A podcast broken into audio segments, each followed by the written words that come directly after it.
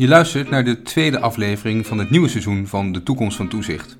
In deze podcast ga ik, Ruben Maas, in opdracht van Bureau Inspectieraad in gesprek met verschillende toezichthouders over belangrijke maatschappelijke ontwikkelingen en de vraag wat dit betekent voor de toekomst van het toezicht. Het thema nucleaire veiligheid staat weer hoog op de agenda. Niet alleen door de oorlog in de Oekraïne en de situatie rond de kerncentrale van Zaporizhzhia, maar ook de vraag hoe we omgaan met kernenergie in de energietransitie. De ANVS, de Autoriteit Nucleaire Veiligheid en Stralingsbescherming, heeft in verschillende media uitleg gegeven over deze onderwerpen. Hoe ga je als toezichthouder om met zulke beladen onderwerpen als kernenergie en stralingsgevaar? En in hoeverre is het belangrijk om hierover transparant te zijn? Deze vragen bespreek ik met Annemiek van Bolhuis, bestuursvoorzitter van de ANVS. Voelt zij zich verantwoordelijk om Nederlanders bijvoorbeeld te informeren over de situatie in de Oekraïne? Ja, kijk, wij gaan natuurlijk niet over de veiligheid van de centrale in Oekraïne. Alhoewel dat wel ook in het hele stelsel zit, mhm. eigenlijk. hè? Dus uh, wat we met elkaar ook in stand houden en met elkaar ook controleren in vredestijd. Uh, maar um, wij gaan natuurlijk wel over de veiligheid in Nederland. En nu is het zo, als er iets misgaat in Oekraïne met een kerncentrale daar, dat dat niet uh, echt directe gevolgen heeft voor Nederland. Hooguit heel erg indirect na een aantal dagen. Uh, Maar je merkt het wel dat elke keer als je, als het over kernenergie gaat en zeker over potentiële rampen of uh, zelfs al als men denkt, oh, er kan iets misgaan, dan is er veel paniek. Ja. Mensen denken altijd meteen aan grote, grote ongelukken met ja, veel Ze hebben toch Tsjernobyl een beetje voor ogen, denk ik. Ja. Maar ook Tsjernobyl eigenlijk, als je kijkt naar Nederland, maar ook in de omgeving. Ja, ik, ik ga het echt niet onder, uh, hè, onderschatten, maar de perceptie is uh, zoveel um, ja, groter. Althans, er wordt zoveel meer uh, schade toegerekend aan straling dan er feitelijk vaak is. Het is de taak van de ANVS om transparant te communiceren over risico's. Tegelijkertijd wil je mensen ook niet onnodig ongerust maken. En dat is al snel het geval bij onderwerpen als nucleaire veiligheid en straling. Welke keuzes maak je daar dan? We hoeven niet helemaal in detail te gaan. Hè. Sommige dingen zijn ook gewoon geheim. We kunnen niet allerlei details over de kerncentrale gaan geven. Maar wel zoveel mogelijk uh, duidelijk maken wat je doet. Nou, we hebben toevallig vorige week een uh, uitgebreid gesprek, dat is natuurlijk niet toevallig, maar ook vorige week een uitgebreid gesprek gehad in ons managementteam over hoe gaan we dat nou doen. Uh, wat eerst, doen? De, de... dat meer publiek maken van inspectieresultaten. omdat we um, in eerste instantie dachten we, nou, we moeten gewoon eigenlijk van elke inspectie een soort samenvatting maken die, um, en die dan op het, op het web zetten. Maar ja, we hebben wel uh, binnen onze raad van advies uh, met een focusgroep, hè, met gewoon een aantal uh, willekeurige burgers, kun je haast zeggen, dit besproken en ook wat voorbeelden gegeven. En daar kwam toch eigenlijk ook wel uit dat de behoefte er inderdaad niet zozeer is om elke inspectie nou te krijgen, daar inzicht in te hebben, maar wel veel meer om een overzicht te hebben. Dus wij zitten nu wel echt te denken aan, dus dat wordt nu verder uitgewerkt om toch een, meer een jaaroverzicht te maken. Met daarin wel hele korte samenvattingjes van uh, elke, hè, wat we gedaan hebben, waar je dus meer informatie kan vinden. Maar toch meer naar een jaaroverzicht te gaan. Ja. Waarbij je dan ook wat duiding kan geven. En dan heb je ook meteen niet zo het probleem dat alles op zich staat en dat ook kleine dingen ineens heel groot kunnen lijken. Want dat is altijd wel een probleem, zeker in het nucleaire veld. Ja, ja dat, dat vond ik wel leuk. En ik zat natuurlijk op jullie website te kijken en daar zit ook die rubriek recente ongewone gebeurtenissen. Ja. En, en dat is precies volgens mij, want dan, als je dat dan opent, dan, dan, dan zie je bijvoorbeeld, nou, er was daar en daar, eh, was er in één keer rookontwikkeling bij een reactor of weet ik wat. En, en dan leggen jullie het uit. Dus dat, dat is, is dat om te voorkomen dat het groter wordt dan verwacht? Omdat ja, de naam zegt het al een beetje. Het voelt ongewoon. Ja. Ik ben wat ongerust. Ik ga kijken. Ja. Nou, die ongewone gebeurtenissen, die, uh, er is sowieso de afspraak dat we daar uh, jaarlijks ook een overzicht van geven aan uh, de Tweede Kamer. Maar we hebben er inderdaad wel voor gekozen om ze wat uitgebreider op de website te zetten, omdat, en ik kan me dat ook wel voorstellen, stel je, je bent in de buurt van een kerncentrale en je ziet ineens een rookpluim. Ja. ja als dat gewoon een transformatorhuisje ergens is of er staat ergens, er is iets kleins wat helemaal niets met nucleaire veiligheid te maken heeft, dan wil je toch wel even weten dat dat niks was. dus je legt uit in feite uh, ja, wat dat is geweest. Het is ook belangrijk omdat als je zelfs dat soort dingen allemaal uitlegt, uh, zeg maar van, van de niks dingen die er wel, uh, die wel zichtbaar zijn, maar soms ook helemaal niet. Want een ongewone gebeurtenis kan ook zijn dat er in de centrale iets is, maar wat helemaal geen enkel effect heeft op de veiligheid. Als je daar al transparant over bent tot, uh, tot, tot uiteindelijk de grotere zaken, daar bouw je ook wel vertrouwen mee op. En daar is het natuurlijk ook voor bedoeld. Ja, want dat, zat ik me wel af te vragen. Ik denk, ik denk altijd bij dit soort dingen, als het echt ernstig is, dan hoor ik het niet dus dat transparantie ja. vaak gekleurd wordt door de nikszeggende gebeurtenissen of de gebeurtenissen die in control zijn. Ja. En als er echt iets aan de hand is, dat dan, dan toch die transparantie naar de achtergrond gaat. Is dat een terecht vermoeden? Nou, op het gebied van nucleaire veiligheid niet. Nee, omdat daar echt, uh, nou ja, er, er, zit zoveel verankerd ook in, in wet en regelgeving. Uh, de veiligheid staat zo voorop in al het handelen. Um, het contact met de, uh, met de regio's, met de veiligheidsdienst, hè, met, de, met de veiligheidsregio's is groot. Um, en eigenlijk, uh, nee, alles wat er. We hebben er ook geen enkel belang bij om, om, om zaken achter te houden. Ik heb de indruk dat de ANVS steeds vaker naar buiten treedt om tekst en uitleg te geven bij nationale of zelfs internationale ontwikkelingen rondom kernenergie en straling. En ik vroeg Annemiek of dit nou bewust was. En zo ja, waarom doen ze dat dan? We hebben altijd best in de, in de schaduw geopereerd. Ook vanuit dat gevoel van, ja, uh, je moet ook niet... Mensen kunnen er ook moeilijk mee omgaan vaak. En je gaat niet dingen melden als het niet, uh, hè, als het niet nodig is. En je zoekt niet zozeer de pers op. Dus we zijn inderdaad een wat, uh, ja, toch een organisatie die niet echt heel bekend is. Bij Saporica hebben we er wel voor gekozen om naar buiten te treden. En dus ook in het, uh, in het nieuws en, uh, en persbriefing, weliswaar met de andere partners. Omdat we zagen dat er zoveel ongerustheid was. En dat er nogal wat, uh, ja, wat onwaarheden ook rondgingen. En overal werden zelfverklaarde experts tevoorschijn getoverd om aan te geven hoe, hoe gevaarlijk het wel of niet zou zijn. Ja, dan moet je echt naar voren stappen. En nou ja, dat hebben we ook heel bewust gedaan. En dan zie je, daar is er geen echt uh, risico. Er is niet echt een crisis, maar er is wel een communicatiecrisis. En ik denk in, in de meeste gevallen uh, bij, ons, uh, bij ons werk is het, um, ja, is het vooral het managen van goede communicatie. Ja. Is daar een, een, een koerswijziging eigenlijk? Want ik, ik, ik, zag inderdaad, er is nu een staat van. Ik zag in jullie raad van advies is Jan Bonjer benoemd. Hè? Dat is de oud-hoofdredacteur Algemeen Dagblad. Ja. Uh, ik zag in één keer een soort lijn ontstaan. Ik dacht, misschien hebben jullie wel gewoon echt nu de keuze gemaakt. Van, ja, we moeten echt meer naar buiten treden. Ja, dat klopt.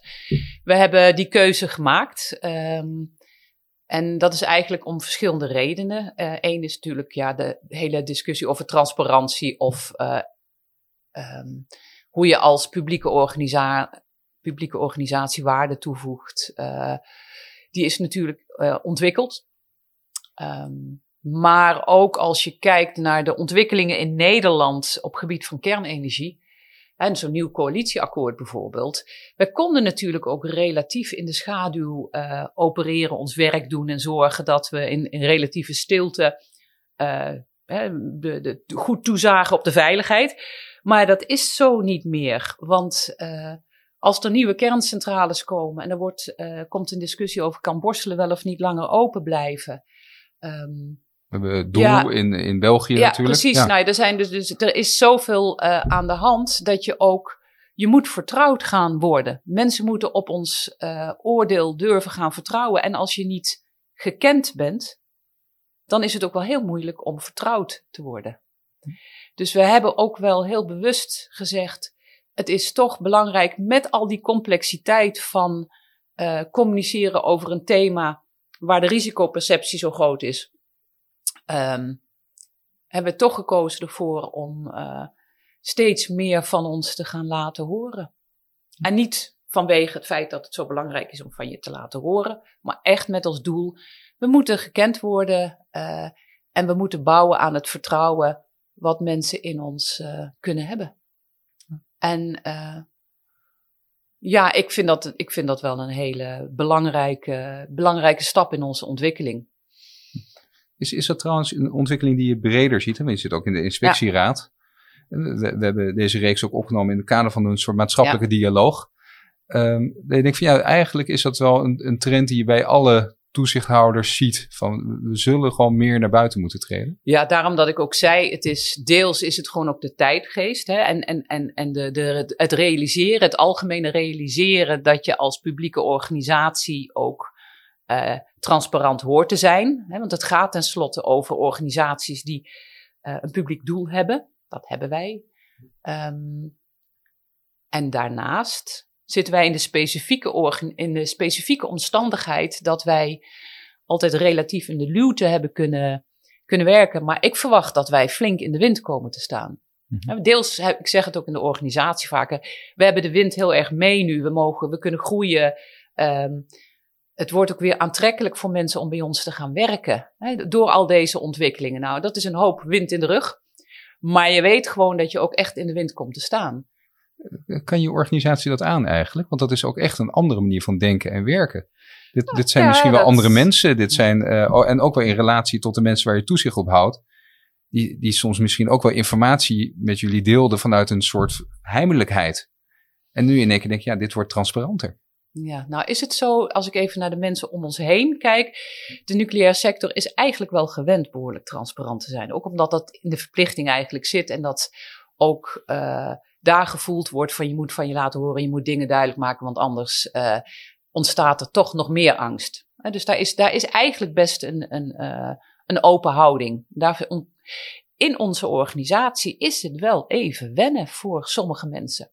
Niet voor iedereen, maar wel, het is wel echt een beleidswijziging, zou je kunnen zeggen, of een koerswijziging, waar niet iedereen zich even comfortabel bij voelt, of voelde misschien.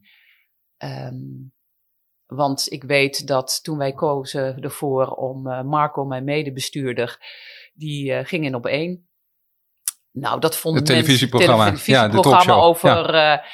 En dat vond men toch wel heel spannend. Zo van, ja, maar wat gaan we dan doen? En dan gaat het ook nog over Saporica. Dat is eigenlijk, gaan we daar wel over? En dan gaan ze misschien ook nog wel over kernwapens praten. En dan gaan we al helemaal niet over.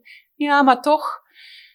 en, ehm, en ik denk ook toen mensen zagen, ook hè, de eigen staf, hoe hij op een rustige manier dat kon uh, uitleggen en eigenlijk heel geruststellend uh, op het nieuws was, dat mensen ook zagen, oh ja, maar dat, dat heeft dus toegevoegde waarde. Dus het leuke is wel dat naarmate we het meer doen, dat ook mensen er enthousiaster over zijn.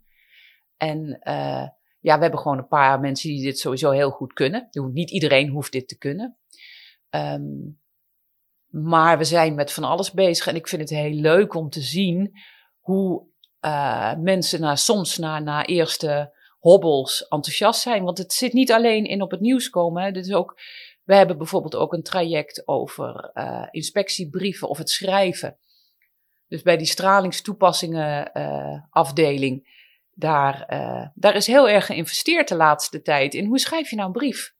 En hoe kun je dat nou, kun je dat nou in bewoording en, en wat straal je uit? Wat wil je zeggen? Hoe doe je dat? Nou ja, dat soort zaken zijn ontzettend belangrijk. Dus het gaat niet alleen over grote nieuwsprogramma's, het gaat ook over hoe formuleer je, hoe toegankelijk formuleer je eigenlijk. Dat, is, uh, dat zijn allemaal wat mij betreft onderdelen van transparantie. En uh, misschien nog toevoegend, ik vind transparantie niet voldoende. Uh, want we hebben, het, hebben het over transparantie laten zien wat je doet. Dat is heel belangrijk. Maar ik zou wel een stap verder willen gaan, en dat gaan we ook. Um, dat je ook veel meer de dialoog opzoekt. Want het is één om te laten zien wat je doet. En daarmee zeg je ook een beetje van ja, en u doet er maar mee wat u wil. Um, en dan is het natuurlijk vooral belangrijk dat je het heel toegankelijk uh, transparant bent. Maar ik vind het ook wel belangrijk om dingen terug te horen. Omdat je daarmee als organisatie scherper wordt, uh, uh, beter nog, ja, beter nog je taak kunt uitoefenen en um, beter ook, nou ja, ook die publieksinformatie en dergelijke. Je moet daar dingen op terug horen ook. Heb je ervaring met die, hoe zo'n dialoog dan verloopt? Nou, een, een, een dialoog bijvoorbeeld die we in de, de wereld van de toezicht hebben gehad, is wederom in een ziekenhuis. Vind ik ook wel echt een mooi voorbeeld. Uh, waar gewerkt werd met jodiumzaadjes. Nou, dat zijn zaadjes die dus stralen en die worden gebruikt bij een uh, operatieve ingreep in, uh, ingreep in de borst, bij borstkanker, om dat heel precies te kunnen doen. Nou, die jodiumzaadjes moet je niet kwijtraken, want die stralen nog wel even na. Het is ook weer niet zo'n gigantisch groot gevaar, maar daar zijn natuurlijk hele strakke protocollen voor. Er was een ziekenhuis en die had toch al drie keer was zo'n zaadje kwijtgeraakt. Hm. Nou, niet meteen groot alarm, maar het mag niet en dat moet gewoon netjes. Dus die hadden inmiddels wel een behoorlijk strenge brief gekregen van ons. Want zij moeten dat zelf melden. Ja. We zijn een jodiumzaadje ja, kwijt. Dus uh, ja, en dat wordt dus ook echt gedaan. Uh, um, hele strenge brief gehad. En toen kreeg ik een telefoontje van de bestuurder, die ik toevallig nog kende. Die zei: Jeetje, uh, wat, wat gaat dit hoekig? Um, we kennen elkaar, maar ik zou eens, kunnen we, kunnen we eens een keer een gesprek daarover voeren? Het was iemand die zelf ook ervaring met inspectie had, die in de inspectiekant had gezeten. Dus we hebben het daar zo eens even over gehad. Ik zei, nou weet je, laten we gewoon eens naar jullie ziekenhuis komen en met jullie team gaan praten. En dan neem ik het afdelingshoofd en de teamleider mee. En nou, dat hebben we gedaan. En toen bleek dat in het ziekenhuis er eigenlijk al nagedacht werd, omdat ze het zo ingewikkeld vonden. Dus we mogen helemaal geen nooit een fout maken, bij wijze van spreken. om wellicht te stoppen met die manier van behandelen. En over te gaan op een wat conservatievere manier, die eigenlijk minder goed is voor patiënten. Nou, dat is natuurlijk helemaal niet wat je wil bereiken. En daar kom je niet achter als je niet in gesprek bent. En um, nou ja, dus wij hebben, we hebben echt een goed gesprek gevoerd met elkaar. En uh, uiteindelijk is daaruit voortgekomen dat er binnen de vereniging weer uh, verder doorgedacht wordt over hoe hierin te handelen. De vereniging uh, van... van de, binnen, de, binnen de ziekenhuizen, ja, ziekenhuizen zeg maar. Ja. ja. Um, en we zijn er verder over in gesprek gegaan dat vind ik dus een manier, dat is, dat is, dat is echt in dialoog gaan. Weliswaar hier met een toezicht, uh, iemand die onder toezicht staat, zou je kunnen zeggen. Want kan je dit ook inderdaad met de samenleving doen? Want dat, dat is natuurlijk. Nou ja, dit zijn, mensen die al, al ervaring, of hebben ervaring zijn, ook deskundig. Terwijl wat je in het begin beschreef, de, de, de reflexen in de samenleving ten aanzien van alles wat met nucleair te maken heeft. Uh, ja, dan, dan krijg je te maken met social media. Je krijgt uh, soms te maken met een soort klein mediastormpje waarvan je denkt, ja, we kunnen niet even rustig met elkaar bellen, rustig gaan zitten. Nee. Nou ja, we doen het nu op verschillende manieren. Uh, het is natuurlijk aan de voorkant ook. Kijk, in Veendam bijvoorbeeld, waar gedacht wordt, het wordt daar, daar zijn de voorbereidingen om een, ook een medische isotope te gaan produceren. Zijn we in een heel vroeg stadium bijvoorbeeld al meegekomen voor een publieks uh, avond en vraag en antwoord. En, uh, Die organiseren jullie dan? Nee, dat heeft de gemeente. We hebben, dat, we hebben, wel, we hebben wel gezegd van nou, het is belangrijk om te gaan organiseren. En wij bieden onze hulp aan. Dus we hebben dat samen met de gemeente en uh, een aantal andere partijen gedaan. Maar wel heel duidelijk een hele actieve rol daarin gespeeld. Nou, we werken meer met focusgroepen nu. Dat, was, dat hebben we daarvoor ook niet gedaan. En dat is wel een georganiseerde manier om feedback op te halen. En, en wat vraag je zo'n focusgroep dan? Nou, bijvoorbeeld bij die, uh, bij die kwestie van de uh, openbaar maken van de inspectieresultaten hebben we drie manieren voorgelegd aan ze. Gewoon uh, concrete voorbeelden. snappen jullie dit als we dit doen? Wat, wat, wat vinden jullie er überhaupt van hè, als dit zo gedaan wordt? En er waren mensen zonder enige kennis van nucleair. En die gaven ons dus terug dat uh, ze niet zo'n behoefte hebben aan zulke ja, gedetailleerde informatie per inspectie, maar dat het wel goed zou zijn om uh, dat meer verzameld te zien. Van hoe gaat dat nou over zo'n jaar heen? Nou, en omdat zij dat zeiden, omdat onze raad van advies uh, daar ook mee kwam van moet je dat wel doen, onze eigen discussie ook op gang kwam, zijn we dit dus nu aan het aanpassen. Dus dat is hele waardevolle informatie die je dan haalt uit, uh, uit de samenleving op verschillende manieren. Uh, um, door daar het gesprek over aan te gaan. Wat, wat zou nou als je eh, voor jezelf denkt de ultieme test zijn of je hierin geslaagd bent? Oh, de ultieme test.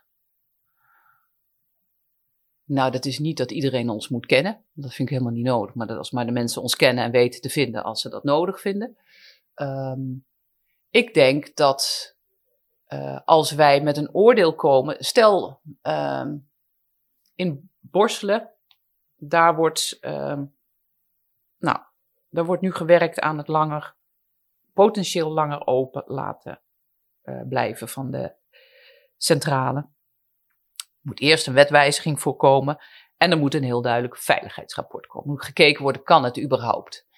Nou, als wij daar een oordeel over geven, dat het wel kan, omdat het veilig genoeg is met allerlei aanpassingen, of als wij een oordeel geven van sorry, dit gaat hem echt niet worden.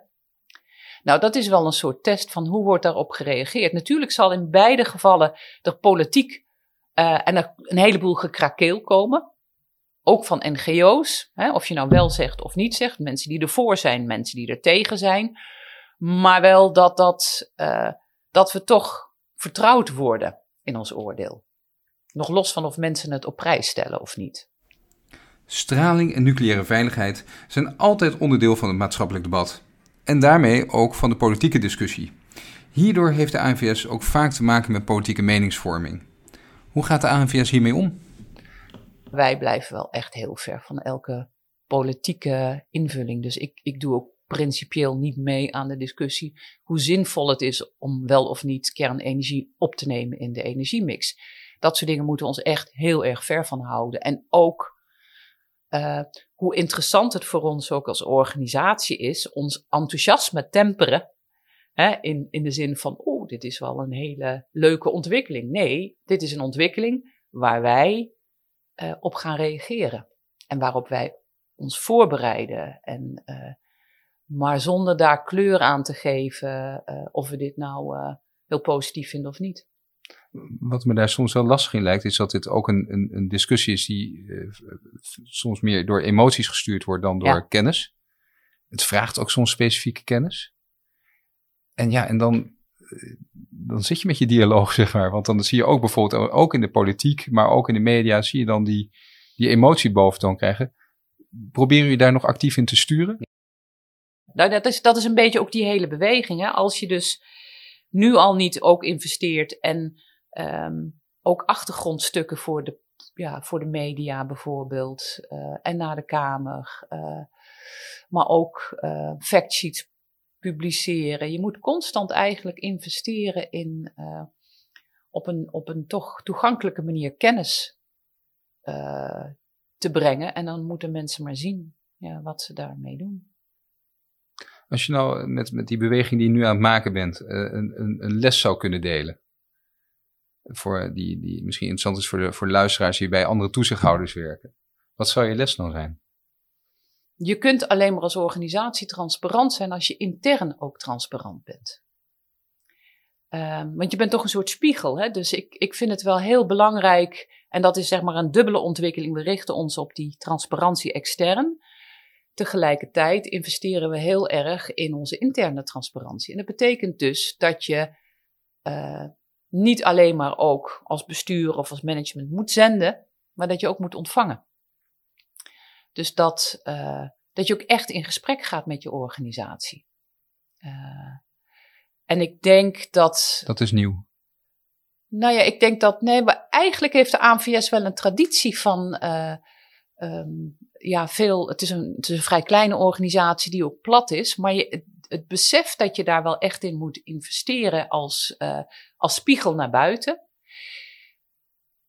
De, wat ik wel mooi vind toen ik kwam bij de ANVS is was dat ook mij meteen gezegd, veiligheid staat voorop. Dus een, een veiligheidscultuur moet je ook dan binnen. Hè, moet je binnendragen. Dus het moet binnen veilig zijn, wil je met buiten veilig ook om kunnen gaan. En die veilige cultuur betekent al dat je um, dat iedereen kritiek moet kunnen uiten. Of dat als ze ergens een signaal hebben, dat ze dat altijd moeten kunnen, um, ja, moeten kunnen geven zonder daarvoor afgestraft te worden. En ik denk dat dat al behoorlijk uh, ja, ver doorgevoerd is, zeg maar. Of dat dat toch echt bij onze cultuur hoort. Maar het besef uh, van uh, dat je ook bij transparantie, dat dat dus veel betekent ook intern voor transparantie.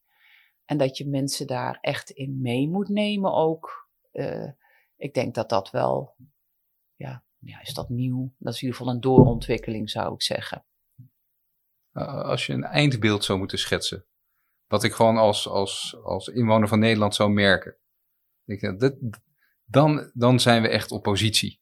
Hoe zou dat eindbeeld eruit zien? Um, dat de Nederlandse burger uh, toch wel weet dat er een uh, autoriteit, een soort waakhond is, die uh, op vertrouwingwekkende, betrouwbare manier en open manier zorg staat voor de veiligheid van ja, de nucleaire wereld. Of dat nou de installaties is of binnen de ziekenhuizen. Dat men zich toch zo veilig mogelijk weet. En dan is veiligheid echt de verantwoordelijkheid natuurlijk van de installatie zelf, et cetera, et cetera. En het hele stelsel. Maar ik zou wel graag gekend willen worden als. Uh, ik vind het wel een mooi woord, de waakhond. En dat, uh, dat wordt wel eens gezegd, dat je de nucleaire waakhond bent. Uh, dan zijn we natuurlijk veel meer dan dat. Maar als mensen het gevoel hebben dat er een goede waakhond is, dan ben ik heel tevreden. Je luisterde naar De Toekomst van Toezicht, waar ik, Ruben Maas, in gesprek ga met verschillende toezichthouders over hun uitdagingen en dilemma's. Deze aflevering is onderdeel van een reeks die gemaakt wordt in opdracht van Bureau Inspectieraad. Je kan alle eerdere afleveringen, waaronder de pas verschenen jubileumpodcast ter viering van het 15-jarig bestaan van de Inspectieraad, beluisteren via je favoriete podcast-app. Ik ben ook altijd benieuwd of je vragen of opmerkingen hebt naar aanleiding van deze podcast. Die kan je mailen naar podcast.inspectieraad.nl.